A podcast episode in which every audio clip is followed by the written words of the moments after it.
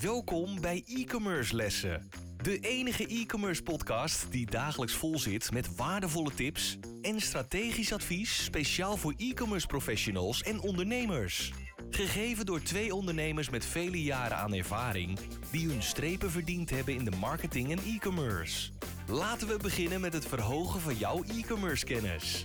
Hier zijn je leraren, Dries de Gelder en Alexis van Dam. E-commerce lessen, special. We gaan het hebben over Google AdWords, in dit geval budget. Ik ben Dries Gelder Ik ben Alexis van Dam. en we zitten hier met Peter Maas. Klopt. Kijk eens aan. We gaan gewoon weer verder, eh, Peter. Ja. Deze keer over budget. Eh, is het makkelijk om een budget te bepalen voor een, eh, als je gaat beginnen met Google AdWords? Nou ja, eigenlijk wel. Eh, want je weet op basis van historische data best wel veel over hoe vaak mensen zoeken op, op producten of zoekwoorden die voor jou belangrijk zijn. En eh, je kan ook enigszins inschatten hoe, eh, wat het gaat kosten. Dus een goede budgetinschatting lukt wel. Ja, Of- of- vanuit, vanuit jou snap ik het, maar vanuit de klant, hè, eh, laten we zeggen een webshophouder, die zegt van nou ja, ik vind, ik vind 1000 euro mooi voor de maand, kan je daarvoor werken. Ja, hangt dus van de markt af. Kijk, ehm, als, je zoek, als je zoekwoorden gemiddeld 5 euro kosten, ja, dan is het, ben je met 200 klikken ben je er wel doorheen, toch? Ja, nee klopt, simpele rekensom, ja. Ja, ja dus dan, ehm, dan, dan kan ik wel eens terug zeggen van wordt moeilijk. Ja, Maar goed, dan ga je er ook vanuit dat als jij aan de slag gaat, eh, jij, jouw bureau, eh, dat je ook wel een, een goede return on investment haalt. Weet je? Ja. Tenminste wel 1 euro in, tenminste 2, 3, 4 eruit haalt. ja Dus dat is eigenlijk nooit verliezen.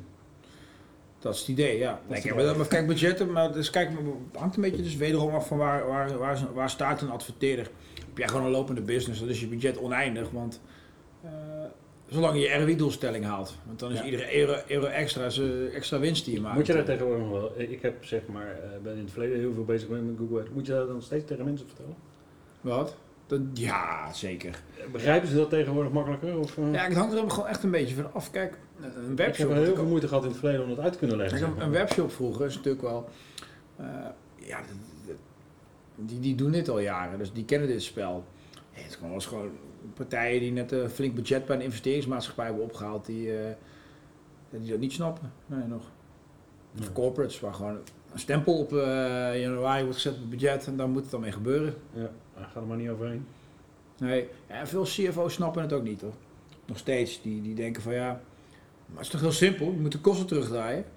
En dan eh, blijft de omzet overeind en dan ben je er. Adverteer je gewoon even een maandje minder. Ja, maar vandaag die knop omdraaien betekent dat je morgen een paar klanten, al klanten misloopt. Dus dat spel is heel lastig uit te leggen. Voor sommigen blijkbaar. Ja, ja. Nou, Moeten we het nog even kort uitleggen? het- budgetspel. Ja. Nou ja, in die zin is het zo dat, kijk... Als je, Eigenlijk moet je toch gewoon adverteren met een ongelimiteerd eh, budget als het gaat om ROI. Ja, zeker. Ja, ja dat klopt. Ja. Behalve als je dus niet onge, on- ehm, eh, ongelimiteerd je producten kan leveren. Natuurlijk. Dat is natuurlijk een ander verhaal. Als producten Ja. op een gegeven moment op zijn, dan, eh, Nee. Ja, dan kan je beter kijken hoe, hoe kan ik hetzelfde bereiken met minder budget. Nou, dat is natuurlijk een ander verhaal.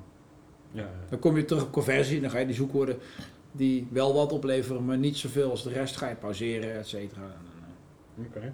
Maar hoe bepaal je nou een startersbudget, zeg maar? Weet je, je moet Vaak in overleg. Ik maak gewoon eh, een inschatting over wat het kost, zeg maar, om, dat- om een klik te realiseren. Eh, en ehm, dan zeg ik, nou, idealiter heb ik 10k om te beginnen, want dan kan ik ook echt snel dingen leren. Dan zegt de klant, ja, dat is wel veel, Eh, doe maar 5. En dan, oké, dan voor 5 lukt het wel. En kan ik ook bijvoorbeeld zeggen, pak ik 6 provincies in plaats van 12. Eh, of we pakken drie van je vijf productcategorieën in plaats van alles. Dus dat, zo kom je er wel uit.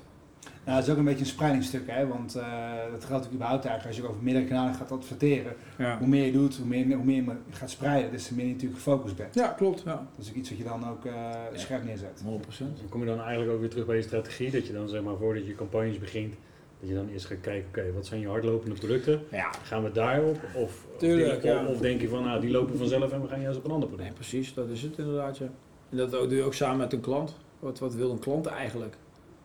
En vaak zegt hij, ja, begin maar gewoon met die hardlopers. Want eh, dan hebben we in ieder geval geld dat we investeren. En waar, waar geld weer terugkomt, wat we dan weer misschien kunnen investeren in andere productgroepen. Ja, op die manier. Ja, oké. Hey, en eh, hoe, eh, ja, hoe maximaliseer je dan het rendement, zeg maar? Ja, door die toch goed te optimaliseren. De alt, ja. Dus ja, er komen eigenlijk die, die tips die we bij, bij optimaliseren en naar de conversie toe werken hebben, hebben toegevoegd. Oké. Dus dan kan, je, dan kan je slimmer met het budget wat je hebt omgaan. Oké. Hey, eh, even eh, misschien een tip vanuit dan de, de, de, de klant, zeg maar. Of eh, die gaat zeg maar in gesprek met een bureau. Ja. Dus die komt in gesprek bij jou. Wat, wat, zeg maar, waar moet die rekening mee houden qua kosten? Want een bureau heeft ook kosten. Die doen, jullie werken niet voor niks. Jullie, krijgen, die staan niet op provisiebasis van Google. Nee, zeker niet. Nee. Nee, dat, dus- dat, dat, zou gevaarlijk zijn ook natuurlijk. Ja, of niet. Ja. Nou, denk ik wel. Want dan ga je... eh, En niet dat het om één hoe je gaat, toch? ba- nee? Wel? Ja, ik, eh, dan, dan maakt het er ook niet uit voor de klant. Nou ja, maar kijk, Google is natuurlijk. ehm, die, weet, die weet wanneer een klant op, tevreden is qua RB, want dat vult een klant in, zeg maar. En ja, wij gaan proberen om het goedkoper te krijgen. Of, of, of, eh, of net even beter te doen. Ja. Ik heb er geen belang bij hoeveel Google AdSpend Google eh, factureert. Liefst zo weinig mogelijk. Ja. Wij, eh, wij, wij, wij werken met, ehm, met, eh, met, mensen. Dus mensen krijgen geld en die werken een x aantal uur.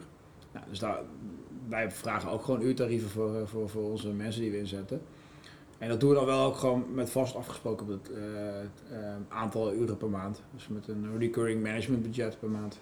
Ja, ja. En is het nou ook zo van dat de eerste maanden wat duurder zijn, omdat je dan heel echt meer bezig bent met inrichten en dat soort zaken? Vaak wel, ja. En Ja. daarna eh, eh, wordt het steeds, eh, lopen die tarieven, de uren wat minder? Of? Nou, ja, vaak het begin is wel wat intensiever, want je gaat dingen herstructureren of zelfs opzetten helemaal.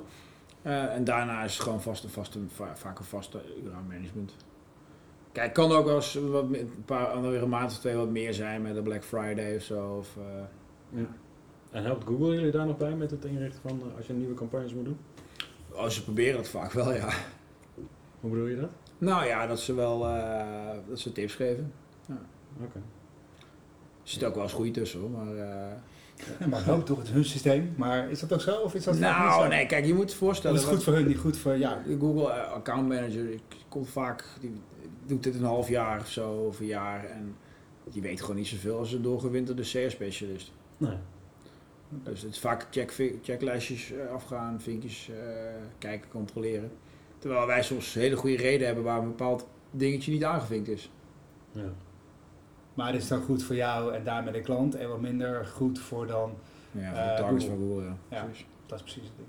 Hey, en als je kijkt, die accounts, hè, want ik kan me voorstellen als jij eh beginnend webshopbouwer bent, je kan dus zeggen, ik doe alles in mijn eigen account bij Google. Ja. Neem ook eens accounts op jullie account over, dat je en je eigen account produceert als bedrijf? Nou, wij, wij doen alles in het account van het bedrijf. Oké. Wij, eh, want iedereen, iedere klant van ons is zelf eigenaar van zijn data ook natuurlijk. Ja. Dat, eh, Ja, dat is wel zo netjes. Je hoort nog Ja. wat andere verhalen, maar Ja, dat doen we niet. Nee, dit is gewoon van hun. Ook als wij een campagne voor je bouwen ehm, en een account opzetten, dan is dat het product wat jij hebt straks. Ja, want ik ken nog wel eens, eh, ook uit eigen ervaring, dat, ehm, eh, uit de bureauwereld, dat ehm, dan gezegd ja, eigenlijk het denkwerk, het complexe strategie zit in het accountstructuur, zeg maar, en het Mhm. runnen. En dan zou natuurlijk een, een partij ook kunnen zeggen, nou ja, dankjewel, we hebben hiervoor betaald, mazzel, ik ga het volgens zelf doen. Ja, dat kan. Maar, ja. Of is dat, ik kan dat, alles kan, maar Ja. ben je dan daarmee succesvol als je gewoon zeg maar de trein rijdt, laat het vooral Ja, doorrijden? Of? Nee, dat gaat niet werken. Voor dingen veranderen, je moet optimaliseren. Google komt met nieuwe campagnetypes. Eh, Dat is vrij frequent ook. Dat je dat niet zeg maar dat je een jaar lang zeg maar, als je het op zou zetten, ben een maandje opzetten, je laat een jaartje lopen, dan loop je eigenlijk al uit de rails. nou ja, zeker. Ja, een paar maanden ook al wel. Interessant. Haalt Google eh, altijd je ROI-instellingen? Nee, ja, als, als er een basis, als het kan wel. Oké. Kijk, ja, als, als ik morgen dit eh tweedehands horloges ga kopen voor, voor, voor die- die 20 euro waard zijn, ik zet ze op mijn website voor 3 ton. Ja, dat gaat Google natuurlijk niet, niet redden. Nee. Nee. Eh, dus als het gewoon realistisch is, zeg maar, de propositie op je site klopt, dan kan, kan Google die ROI-doelstelling wel halen. Ja. Eh, nog meer iets kwijt over budget? Ehm, nee, niet per se. Nou, mi- misschien nog eentje dan als laatste, want hè, nog steeds een beetje ook de, de kleine webshop-eigenaar voor zover. Eh, we hadden het over 1000, 500 of 10.000. Ehm, laat ik het zo zeggen, als je kijkt naar het totaal aan marketing wat je zou uit moeten geven als webshop-eigenaar. Als je dat zou moeten zeggen, nou voor AdWords, dat zou je ongeveer een goed percentage vinden van je totale marketingbudget. Ja, dat, dat hangt er dus echt vanaf. Dat is altijd, dat altijd ja, kijk, maar ik, ik heb wel eens een keer een discussie gehad met iemand die, die verkocht fietsaccessoires. En, eh, en fietsen zelf. En ze zei, ja, we geven alles uit aan, aan Google Ads, eh, een beetje aan Facebook. Moeten we niet eh, meer aan awareness en aan branding gaan doen? Ik zeg, wat wil je dan doen? Wil je dan mensen overtuigen van het feit dat ze moeten gaan fietsen? Ja. Ja, mensen, en- ja dat kan. maar ja, je kan ook gewoon zeggen dat je kostenomzet wat je als doel hebt, of je ROAS van 1000%, maak daar dan 900 van procent van. Groei ook. Dus ik denk voor een performance gedreven partij is, is, is Google Ads wel heel belangrijk. zou het echt wel een behoorlijk significant stuk van jouw marketing spend moeten zijn. Denk ik wel, ja. Wat zijn tegenwoordig, als je zeg maar, eh, misschien even, eh, toen ik begon zeg maar eh, met Google, toen kon je nog wel eens, eh,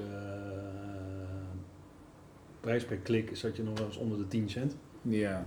Eh, Ja, kan nog wel. ja? Ja, als je bijvoorbeeld een beetje een redelijk unieke merknaam hebt of zo. eh, Je merknaam zal Nou, goed komen. bijvoorbeeld, eh, ja, Hemden heb ik natuurlijk, over Hemden heb ik natuurlijk jarenlang gedaan. Ja. Eh, en dan begonnen we met 5 cent en dat werd, later werd dat, eh, heb ik al op 80 cent gezeten. Ja, ik denk dat dat wel duurder is dan, eh, dan, vijf, dan, eh, dan een euro misschien, maar... Ja, het zit ook in die inflatie, hè? die klikprijzen van Google, dus marketing wordt duurder. Ja, dat snap ik. De cost of sales. Maar nee, dat is, ja, nee, kijk, er zijn natuurlijk heel veel mensen die adverteren op hemden, dus dat, dat drijft de prijs op. Ja. Dat is ook lastig, want ja, gemiddeld hemd kost 50 euro, 60 euro. Om erbij. Ja. Die zijn niet zo hard gestegen. Nee, precies. Nee, dus dan is het wel interessant. Dus dan als jij dat wederverkoopt, je hebt een marge van 10, 20% of zo. Ja, dat is moeilijk hoor. Lastig. Dat is moeilijk. En als je dan inderdaad eh 2, 3 euro kwijt bent voor een klik. Ja. En als je dan gaat kijken naar het conversiepercentage, want dat Ja. is ook wel even, dat misschien even besproken bij conversie, conversiepercentage. Hoe leuk is jij je klikt, ja. mensen kopen landingspage, maar dat wil niet zeggen dat van 100 mensen 100 mensen gaan kopen. Nee. Als daar natuurlijk de industrie gemiddeld tussen de half procent en 4 procent doet het heel goed, uitcheckt, je hebt wel voor die 100 mensen die 2 euro betaald, dus 200 euro betaald. En als je dan maar twee mensen die iets kopen, Ja, dat, spelletje, help je daar ook mee bij dat spel? Dat doorrekenen? Of ja, dat, dat, dat, Dat de is business case, ja, ja. daar begin ik mee. Ja. zeker. Wanneer is het succes? Kan dit eigenlijk wel? Maar betekent dat dat dan zeg maar naarmate de klikprijs of de bidprijs hoger gaat, dat, je- dat je dan je ROI om- ook al, eh, eh, flink moet verhogen? Wil je nog. eh, Nee. wat, eh, Vaak is een, een hogere klikprijs leidt tot een lagere ROI. ja, precies. Ja, want die, die 100 bezoekers kost je meer geld omdat de klik- klikprijs hoger is. Maar, Ja. Duidelijk. maar het is vaak wel zo dat op het moment dat, dat jij dus een hoge ROI-doelstelling instelt, dat, dat uiteindelijk de klikprijs omlaag gaat. En je krijgt ook veel minder verkeer, want je positie wordt lager. Je wordt gewoon minder zichtbaar. Ja, ja, ja, oké. Ja, dus, ja, linksom of rechtsom moet je daar een beetje mee gaan spelen. Ja, nou, feitelijk stuur jij dus dan wel op niet altijd per definitie meer verkeer. Nee, wel gekwalificeerd nee, verkeer. Zeker via je ads. ja verkeer is eh, ja, KPI waar ik niks mee kan. Kan je niet van eten, zeggen ze toch? Van, eh, Nee, nee, klopt. Eh, ik, ik weet wel dat het natuurlijk wel, eh, een website algemeen los van website natuurlijk heel vaak wel gewoon meer verkeer willen. ja. Eh, want dat is al het idee, meer verkeer, dan automatisch zou je kunnen aannemen dat mensen dan ook meer geneigd zijn Ja. om meer te gaan klikken en meer te gaan doen bij jou. Ja, meer relevant verkeer is natuurlijk top. Ja, als Ja. ik kan doen.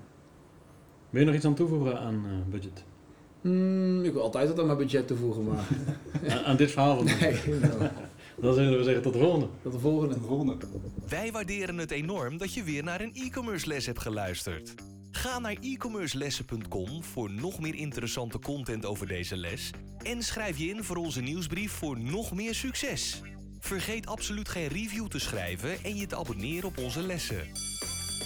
Einde les. E-commerce studenten, jullie kunnen de klas verlaten en vergeet de volgende lessen niet voor nog meer geweldige e-commerce resultaten.